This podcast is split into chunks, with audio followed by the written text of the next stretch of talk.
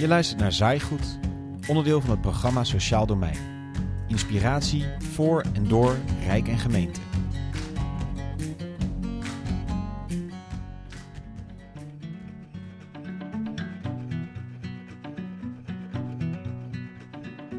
Als je ziek bent, dan kun je niet of minder goed werken. Daarmee vertel ik niet iets heel geks. En dat geldt natuurlijk als je fysieke klachten hebt, maar zeker ook bij psychische klachten. Dat er dus een sterke samenhang is tussen mensen met een uitkering en die GGZ-zorg ontvangen, dat zal niemand verbazen. Opvallender is echter dat het verband twee kanten opwerkt. Psychische klachten die kunnen leiden tot werkloosheid, maar andersom leidt niet werken ook tot psychische klachten. En werk kan juist helpen om psychische klachten te voorkomen. Hoe kan werk bijdragen tot een beter herstel in geval van psychische klachten? Welke systeemobstakels kom je dan tegen? En hoe kun je de potentiële win-win-win situatie ook financieel verankeren? In deze aflevering van Zaaigoed hoor je professor Dr. Han Anema, hoogleraar sociale geneeskunde aan Amsterdam UMC. Hij doet onderzoek naar het effect van arbeid op gezondheid, met name voor mensen met een uitkering. En je hoort Fred Paling, voorzitter van de Raad van Bestuur van GGZ in Geest en eerder onder andere voorzitter van de Raad van Bestuur van het UWV. En dat rond het thema werk als medicijn.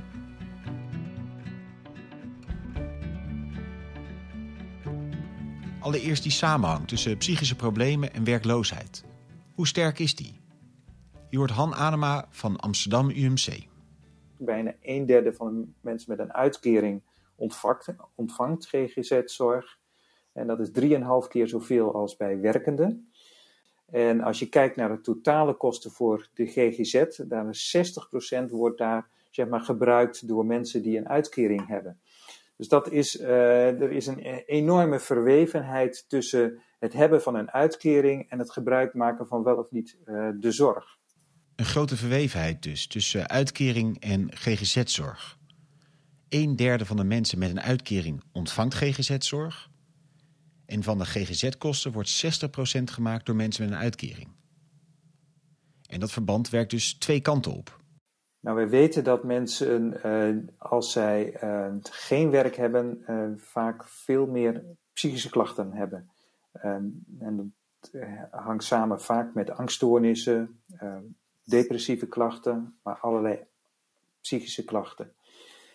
Dat, daar is een heel, heel sterk verband tussen. Um, en dat dit geldt zeker voor mensen die geen werk uh, hebben. Maar het is ook andersom zo dat ook arbeid goed is voor de gezondheid. Uh, dat uh, mensen die aan het werk zijn, ja, minder klachten hebben. Um, en ook door de WHO is dat heel goed uitgezocht dat ja, arbeid eigenlijk een van de, wat wij noemen, sterkste gezondheidsdeterminanten is. Het is eigenlijk een sociale determinant van gezondheid. Dus en om een voorbeeld te geven, um, arbeid is bijvoorbeeld even belangrijk, het hebben van arbeid als uh, huisvesting.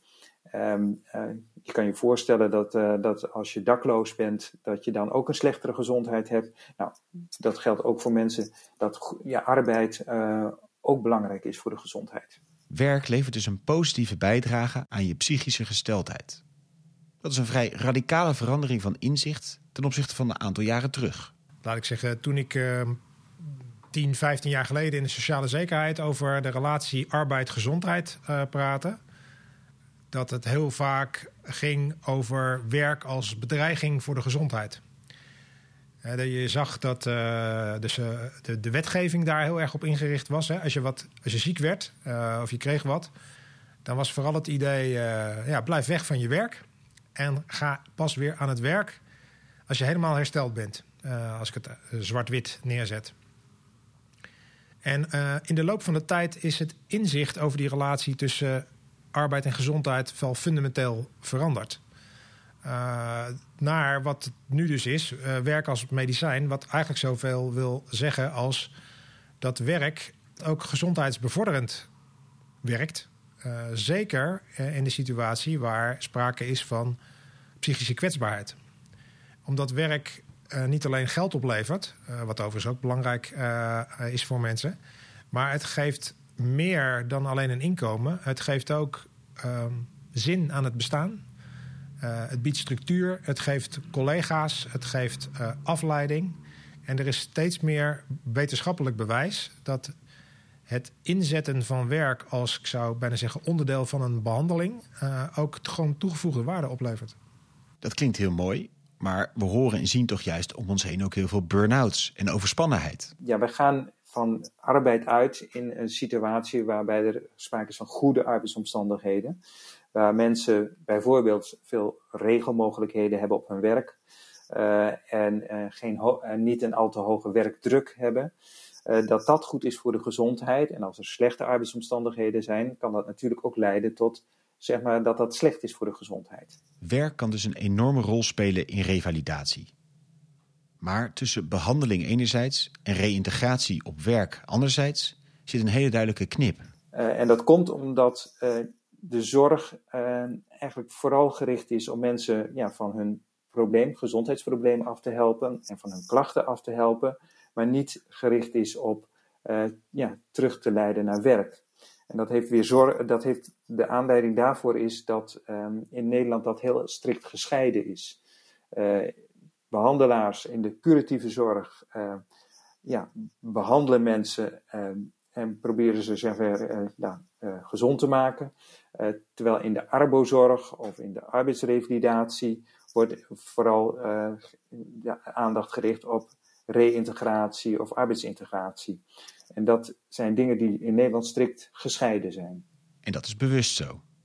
Men uh, vindt het niet goed dat behandelaars, zoals bijvoorbeeld huisartsen, ook betrokken zijn bij de begeleiding uh, terug uh, naar werk. Als mensen ziek worden en uitvallen uit hun werk en weer aan het, naar het werk terug begeleid moeten worden, dan is men bang dat er zeg maar een conflict of interest, zoals ze dat noemen, ontstaat tussen uh, de rol die de huisarts heeft voor de gezondheid van, van de werknemer en ten aanzien van bijvoorbeeld terugkeer naar werk en vermindering van verzuim van een werkgever.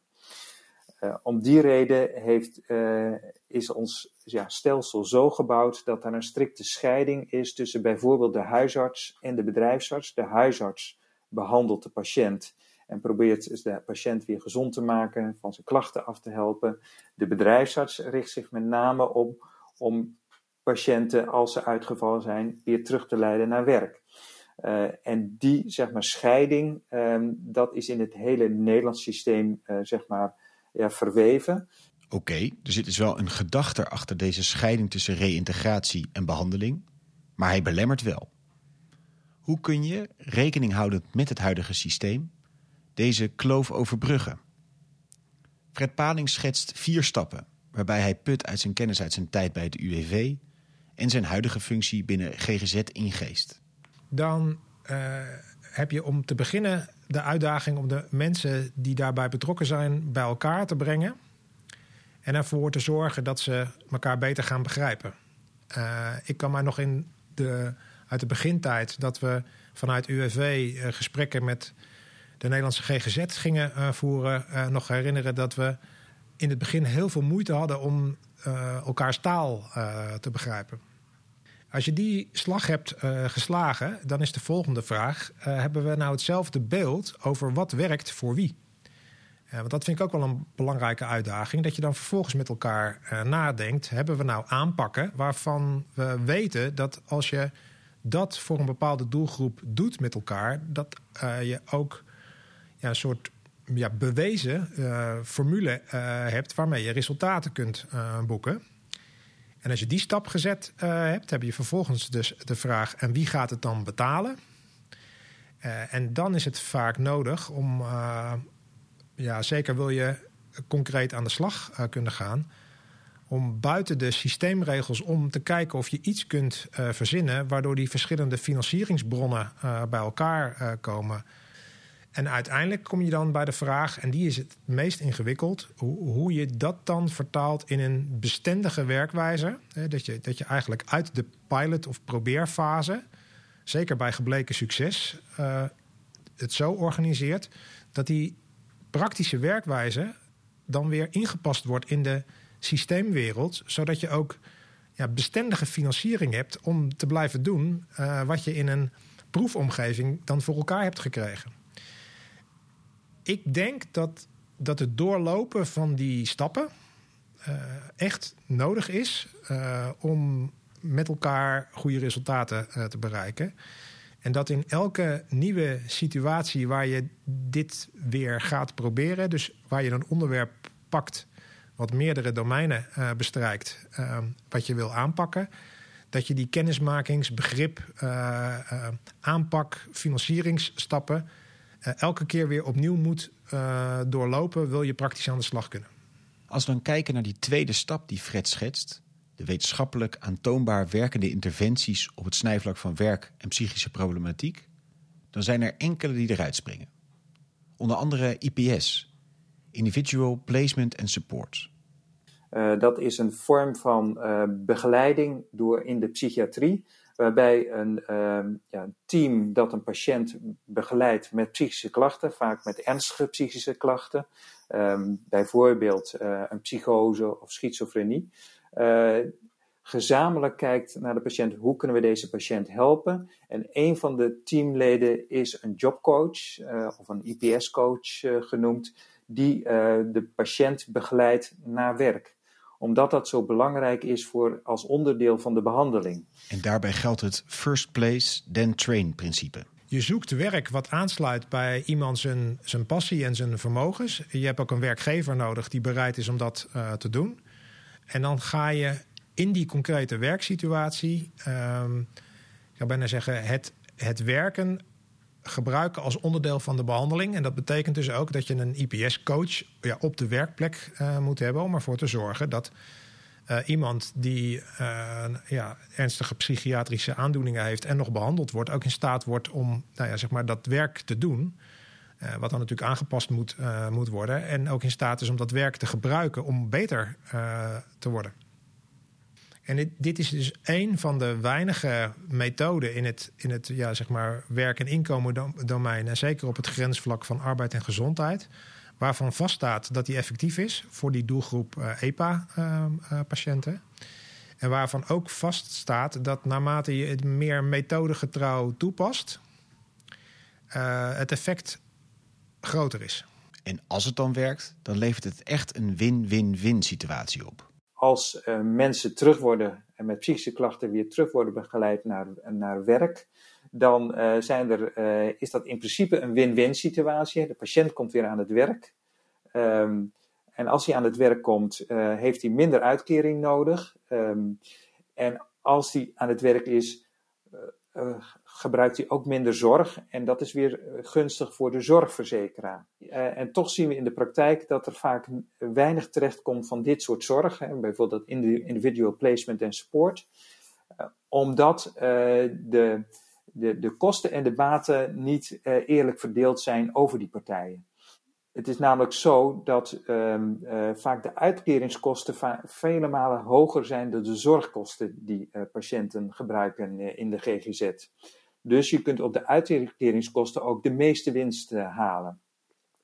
Dat betekent dus dat de meeste baten komen aan de uitkeringskant terecht. Dus bijvoorbeeld iemand, de gemeente of UWV, de uitkeringsverstrekkers, hebben veel meer baten ervan dan bijvoorbeeld een zorgverzekeraar die uh, dat terugziet in minder zorgconsumptie. Han doet een somatisch voorbeeld. Ik heb um, heel veel onderzoek gedaan naar lage rugklachten. Uh, de Nederlandse maatschappij heeft aan kosten voor lage rugklachten zo'n uh, tegen de 4 miljard euro.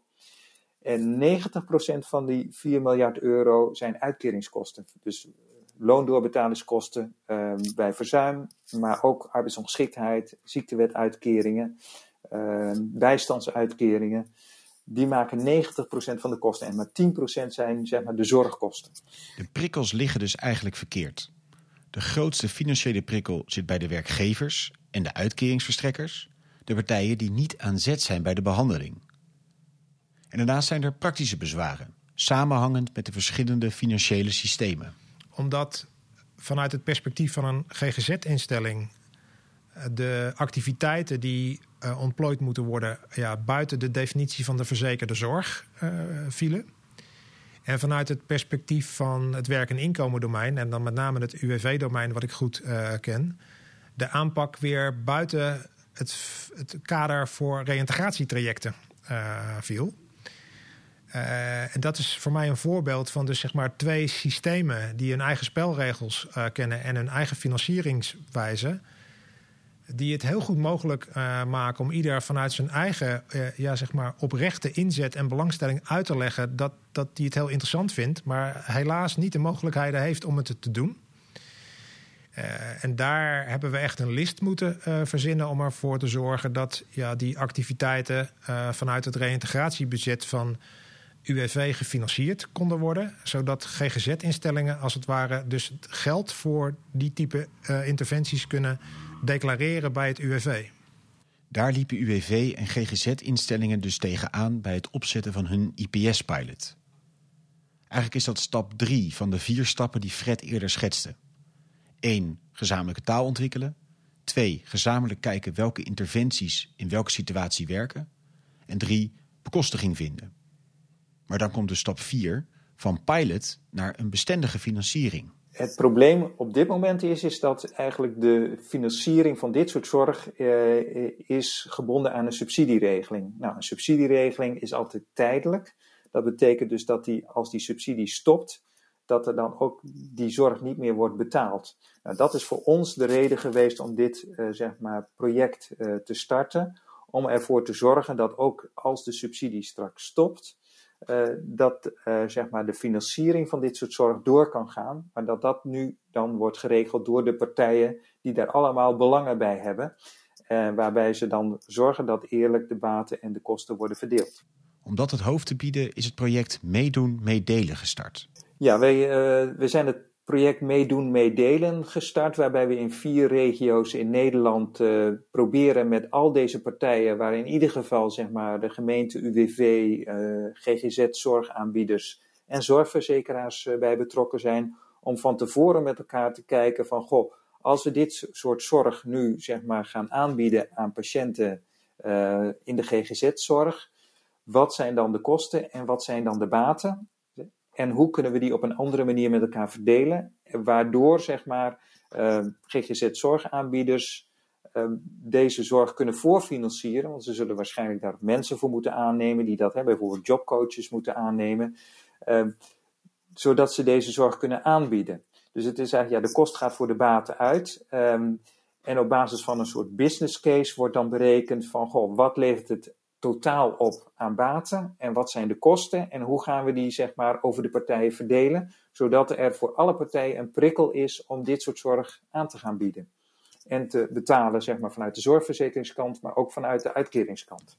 Omdat de investeringen pas op langere termijn renderen, moet de business case voor meerdere jaren gemaakt worden. En dat is dus voor iedere regio ook weer anders, omdat ja, ook de, de, eh, de, de uitkeringsgerechtigden in een regio kunnen verschillen. Bijvoorbeeld de ene regio heeft meer uitkeringsgerechtigden in de GGZ-zorg die vanuit de gemeente een uitkering krijgen. En de andere regio bijvoorbeeld meer vanuit het UWV. Dus je moet echt maatwerk leveren in die business case waar je kijkt naar van goh, hoe vallen in deze regio het, eh, de kosten, de verdeling tussen de kosten en de baten uit. En uiteraard moet je vervolgens de business case evalueren.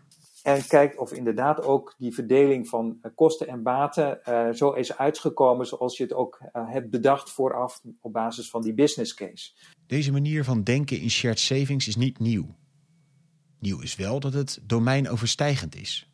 Ja, dat maakt het, maakt het A ingewikkelder, want je hebt uh, en het zorgdomein en het sociale domein. Dus dat maakt het ingewikkeld en uniek, want dat is eigenlijk tot nu toe in Nederland in ieder geval nog nooit gebeurd. En, uh, maar ik denk wel dat dat een, eh, een, een, ja, een toekomst heeft, omdat met name die uitkeringskosten zo belangrijk zijn. Uiteindelijk moet deze hele complexe puzzel met lokale meerjarige business cases gelegd worden, omdat het systeem zelf de combinatie van reïntegratie en behandeling onmogelijk maakt. Zou daar eigenlijk niet gewoon wat aan dat stelsel moeten veranderen?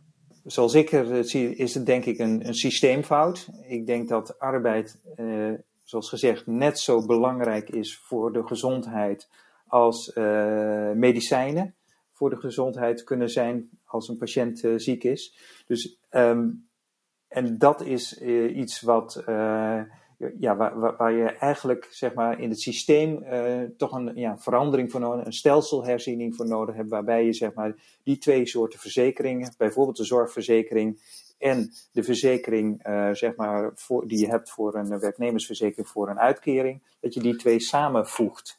Uh, tot één verzekering. Zoals we bijvoorbeeld in, in Duitsland ook hebben met de krankenkassen. Waardoor eigenlijk zeg maar, de gelden die er zeg maar, ja, er zijn voor de gezondheid gebundeld kunnen worden. Uh, zowel vanuit zeg maar, de uitkeringssituatie, op het moment dat iemand een uitkering nodig heeft, dat je hem een uitkering kan geven om te voorkomen dat iemand tot armoede vervalt en, en uh, met de consequentie dat dat heel slecht is voor de gezondheid, met name voor de psychische gezondheid van mensen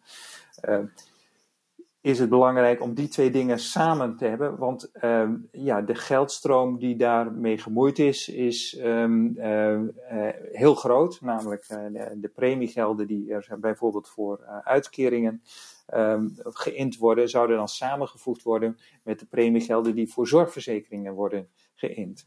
Goed, dat is als een eventuele stip op de horizon. Dichter bij de huidige situatie. Wat kunnen gemeenten en werkgevers in de huidige context doen? Om bij die laatste te beginnen. Werkgevers hebben al in het huidige systeem een hele sterke prikkel om werknemers met een psychische kwetsbaarheid vast te houden. We hebben de afgelopen jaren in de Nederlandse sociale zekerheid een heleboel ingrepen gedaan die maken dat die prikkel, financiële prikkel bij die werkgever, om dat uh, um, ja, bovenaan het lijstje te zetten, die hebben we echt extreem groot gemaakt. Ook als je dat vergelijkt met andere landen in uh, Europa. Dat over mensen in dienst houden.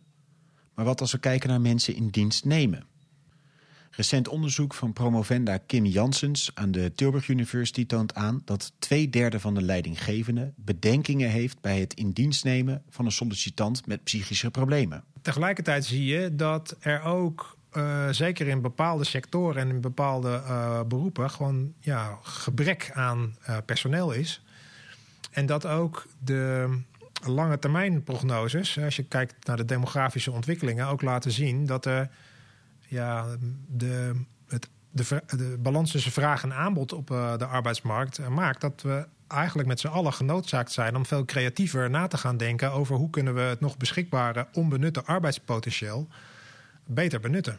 Maar Fred beaamt dat het ingewikkeld is. Omdat we eigenlijk met elkaar bazaal gewend zijn om, als we kijken naar collega's, naar nieuwe medewerkers. Uh, een profiel op te stellen van de medewerker die we zoeken, uh, waar die allemaal aan moet voldoen. En dan vervolgens in een selectieproces een heleboel mensen uh, te interviewen en dan te kijken of we degene kunnen vinden die het best past bij al die aspecten die we van tevoren bedacht hebben. en de uitdaging, als we tenminste echt de, een groter deel van het onbenutte arbeidspotentieel willen benutten en ook een kans willen geven om mee te doen, is dat we veel meer kijken naar wat hebben mensen in hun mars, wat hebben ze uh, te bieden. Uh, waar moeten we rekening mee houden? En kunnen we dan misschien de arbeidssituatie of het eisenpakket wat we stellen, wat aanpassen op de mogelijkheden en onmogelijkheden van bijvoorbeeld mensen met een psychische kwetsbaarheid ik geef soms als een heel simpel voorbeeld. Als iemand heel veel last heeft van drukte, vanwege zijn psychische kwetsbaarheid, dan kun je natuurlijk zeggen: ja, iedereen moet hier in een kantoortuin uh, werken en elke dag gewoon zijn eigen plekje zoeken. dus de conclusie trekken: ja, dat gaat dan niet met u. Je kunt ook denken: ik zou heel veel aan deze persoon kunnen hebben. Het zou voor deze persoon ook heel goed zijn als die zou kunnen participeren in werk. Dus hoeveel moeite kost het nou om iets in die werkomstandigheid te, te doen waardoor iemand ja, een rustigere werkplek uh, heeft? Ik weet, dit is een heel simpel uh, voorbeeld, maar ik denk dat de gedachte, de redenering die daarachter uh, zit, wel um, heel noodzakelijk is om ja, een brug te slaan tussen wat vragen we, wat hebben mensen in een mars, waar kunnen ze toegevoegde waarde bieden en hoe brengen we dat bij elkaar. En er zijn daarnaast ook veel vooroordelen. Ik ben uh, als nevenactiviteit ook voorzitter van het bestuur van Samen Sterk Zonder Stigma geworden. En dat stigma wat rust op psychische kwetsbaarheid, dat is nog steeds een behoorlijke hinderpaal. Alhoewel je gelukkig de laatste tijd ziet dat er meer aandacht voor is. En dat ook meer mensen ja, bereid zijn om daar open over zijn, te zijn. Het gesprek over te voeren. Wat ertoe leidt dat er ja, ook meer begrip en inzicht in ontstaat. Ook in een arbeidsorganisatie. Dat het helemaal niet zo eng of moeilijk hoeft te zijn. Mits je maar bereid bent om rekening met elkaar te houden. En wat vraagt het van gemeenten? Han en Fred hebben een aantal duidelijke dingen die ze willen meegeven. Allereerst is voor een structurele aanpak nodig dat er dus afspraken worden gemaakt tussen de zorgverzekeraar aan de ene kant en de uitkeringsverstrekker aan de andere kant. Uh, wat op het niveau van UWV nog centraal te regelen is met het ministerie van Sociale Zaken. Maar waar op het moment dat iemand geen uitkering heeft bij het UWV, uh, maar een uitkering heeft bij de gemeente, ja, ook nog uh, de werkelijkheid is dat elke gemeente uh, de verantwoordelijkheid heeft om zelf beleid te maken voor zijn eigen werk en inkomen uh, en sociaal domein. En daarom worden binnen meedoen, meedelen de afspraken ook op regioniveau gemaakt. Om te voorkomen dat elke gemeente het op een net iets andere manier aanpakt. Ten tweede vraagt het om methodegetrouw werken. En dat is best uh, in een domein uh, wat niet altijd gewend is met ja, zeg maar een evidence-based uh, aanpak te werken. Dat is best een lastig element gebleken omdat de gedachte die soms wel eens over tafel gaat... van nou, er zitten best aardige elementen in... en die pas ik dan in in wat ik gewend ben te doen... Ja, daarvan moet eigenlijk de boodschap zijn, dat is niet zo handig. want een van de aspecten van deze aanpak is juist dat ja, dat die beter werkt als je ja, eigenlijk meer volgens het boekje werkt. En tot slot hebben Han en Fred een duidelijke oproep. Voor, voor mij persoonlijk is het belangrijkste uh, dat uh, ja, we, we doen mooi onderzoek. We weten dat het effectief is. Uh, en we doen het niet vanwege die schotten die er zijn tussen de verschillende systemen. En dat is, uh, um, dat is een grote frustratie ook van mijn kant. Van, we, we, kunnen prachtig onderzoek doen. We kunnen ook via kosteneffectiviteitsonderzoek prachtig aantonen dat iets kosteneffectief is. En, dat het, en toch gebeurt het niet. En um, ja, dus voor mij is dit een, een project waarvan, waar ik uh, hoop dat het uh, ja, uh, straks ook echt um, gebruikt gaat worden om dit soort interventies uit te kunnen gaan voeren in de zorg. Maar ik zou zeggen, ja, erken dat er soms een professional of een deskundige nodig is. of een, een echt goed beschreven methode. naast verbinding maken met de mens. Kijken waar die vandaan komt. Hoe die in elkaar zit. Hoe zijn omgeving in elkaar zit. En ja, wat daar het beste in past. Inclusief het gebruik maken van het eigen netwerk van betrokkenen. En ik denk dat we in het, in, in het domein werk en inkomen in relatie met het domein zorg ja, beter moeten leren om onderscheid te maken tussen ja, dat wat zich leent voor een gezond verstand aanpak en dat wat echt vraagt om een bewezen effectieve interventie.